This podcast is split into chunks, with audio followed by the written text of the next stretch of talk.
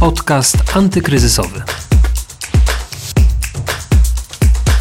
Dzień dobry, nazywam się Justyna Smolińska i zapraszam Was na drugi odcinek podcastu antykryzysowego. Tak jak zapowiadałam, dziś porozmawiamy o zakupach online. W czasie pandemii ta forma sprzedaży stała się niezwykle popularna. Wiele sklepów przeniosło swoje biznesy z offline'u do online'u właśnie. Jak sobie z tym poradziły, z czym miały największe problemy, czego oczekują klienci od zakupów online i jak ta obsługa powinna wyglądać? Na te pytania odpowie nam Karol Milewski, członek zarządu Omnipack, firmy zajmującej się logistyką dla e-commerce'u, czyli magazynowaniem, pakowaniem, wysyłką i obsługą zwrotów. Posłuchajcie sami. To, co obserwujemy, to znaczące przyspieszenie trendu w ogóle digitalizacji. Transformacja cyfrowa to był w ogóle temat, który był na wokandzie od wielu lat. Natomiast e, w tym momencie w zasadzie przesunęliśmy się o kilka przynajmniej lat do przodu. Śmiejemy się czasem, że to był taki fast track do 2030 roku, bo rzeczywiście zaszła fundamentalna zmiana w myśleniu o tym, czym jest dzisiaj tak naprawdę sprzedaż, już bez względu na to, czy mówimy o offline czy online. Pandemia pokazała nam, że te zmiany mogą zachodzić bardzo szybko. Okazuje się, że wielu retailerów, którzy sprzedawali głównie w offline albo offline był jednym z wiodących kanałów, miała gdzieś na tapecie już pomysł na to, żeby wzmocnić e-commerce, wzmocnić kanał cyfrowy. Natomiast Ostatnie dwa miesiące pokazały nam, że te plany po prostu nabrały bardzo dużego tempa, co de facto zostało odzwierciedlone przez ich konkretne decyzje związane z budową platform, czy też z szukaniem partnerów, którzy są w stanie pomóc w takim ruchu. No właśnie, czy to jest już e, taki stały trend, to jest po prostu nowa rzeczywistość, czy świat e-commerce po tej pandemii wróci do stanu sprzed kryzysu, czyli na przykład te sklepy dalej będą raczej stawiały na offline niż online? Raczej stawiam tezę, że w tym momencie mamy już nowy świat trochę, czyli nie ma czegoś takiego jak powrót do normalności. Dzisiaj mamy nową normalność. Mamy przed sobą niepewne czasy. Nie wiadomo, co tak naprawdę będzie działo się na jesieni. Wielu retailerów przewiduje, że sytuacja może się powtórzyć, więc tak naprawdę wejście w e-commerce to naturalna strategia dywersyfikacji ryzyka, mówiąc najprostszym językiem. Jeżeli spojrzymy teraz na to, co się działo do tej pory, czyli że w okresie lockdownu co piąta transakcja online w Polsce była wykonana przez nowego konsumenta, to w zasadzie pokazuje nam siłę tego trendu. I wydaje nam się, że perspektywa jest taka, że to będzie się tylko i wyłącznie nasilało. Proszę też zwrócić uwagę na to, że dzisiaj nie można sobie pozwolić na stanie w miejscu. Dlatego, że jeżeli retailerzy mają świadomość tego, że rynek idzie do przodu, to znaczy transformuje się i dostosowuje się do nowych realiów, to nie robienie niczego w tym zakresie powoduje zasadniczo stanie w miejscu lub cofanie się w stosunku do konkurencji. Więc wydaje mi się, że ten trend będzie się nasilał, będzie przyspieszał. Jak będzie silny i długotrwały, pewnie trudno powiedzieć, ale to, co jest pewne, to to, że notujemy znaczące dynamiki wzrostu w wielu kategoriach i widzimy, że konsumenci po prostu przekonują się do tego kanału. Które firmy w takim razie, które może branże najlepiej poradziły sobie z przeniesieniem biznesu właśnie do e-commerce'u? Czy lepiej w tym online'owym świecie radzą sobie firmy, które miały już jakiekolwiek doświadczenie w e-commerce?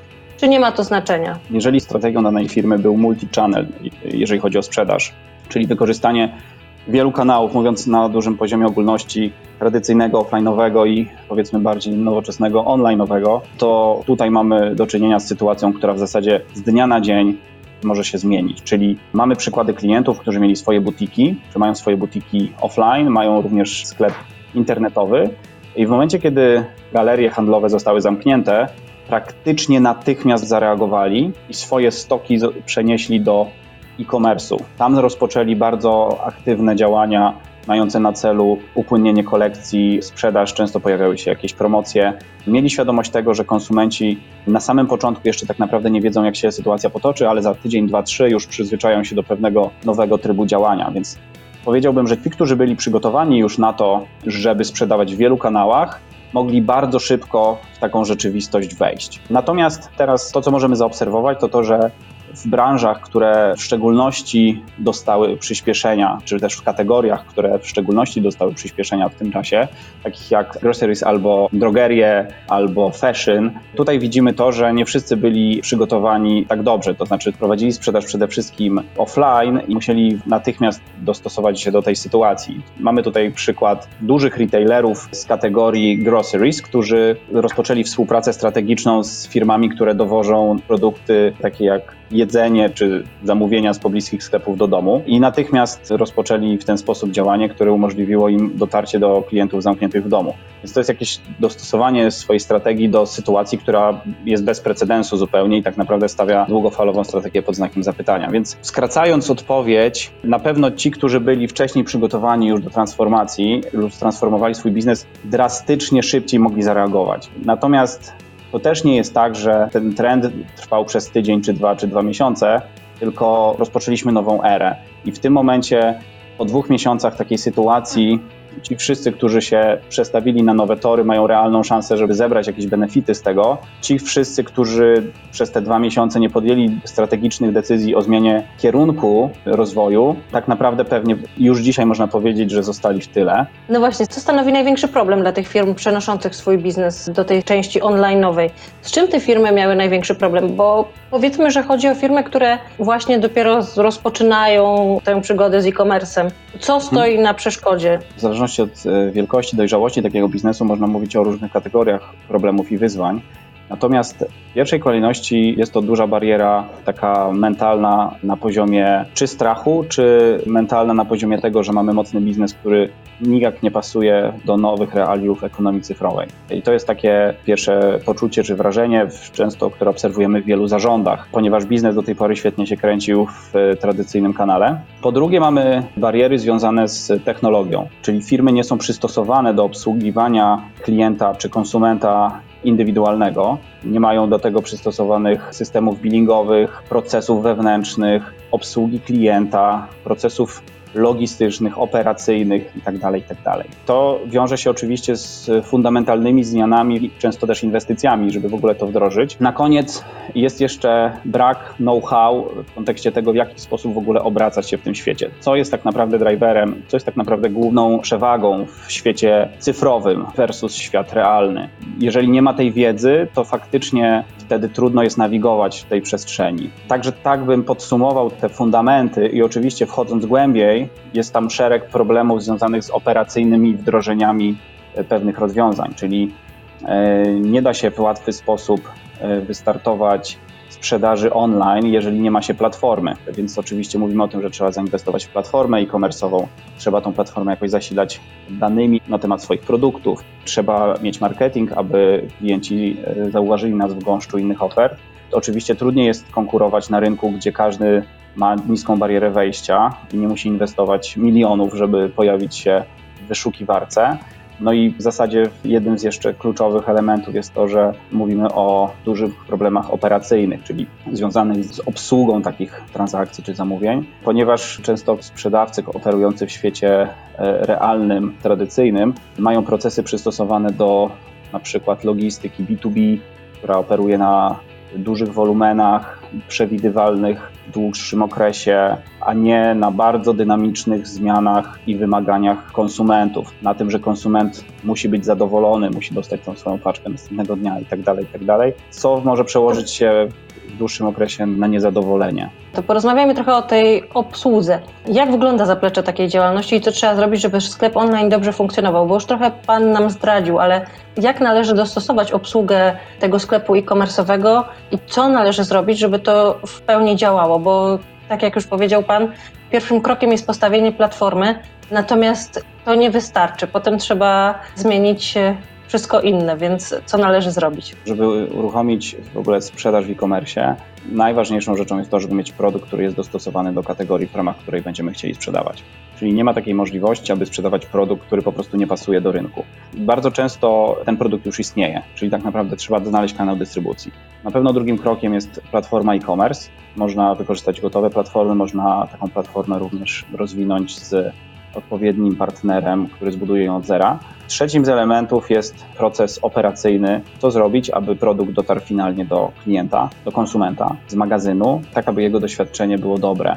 Tutaj mówimy o sytuacji, w której ten konsument jest bardzo wymagający, jest przyzwyczajony do wysokich standardów.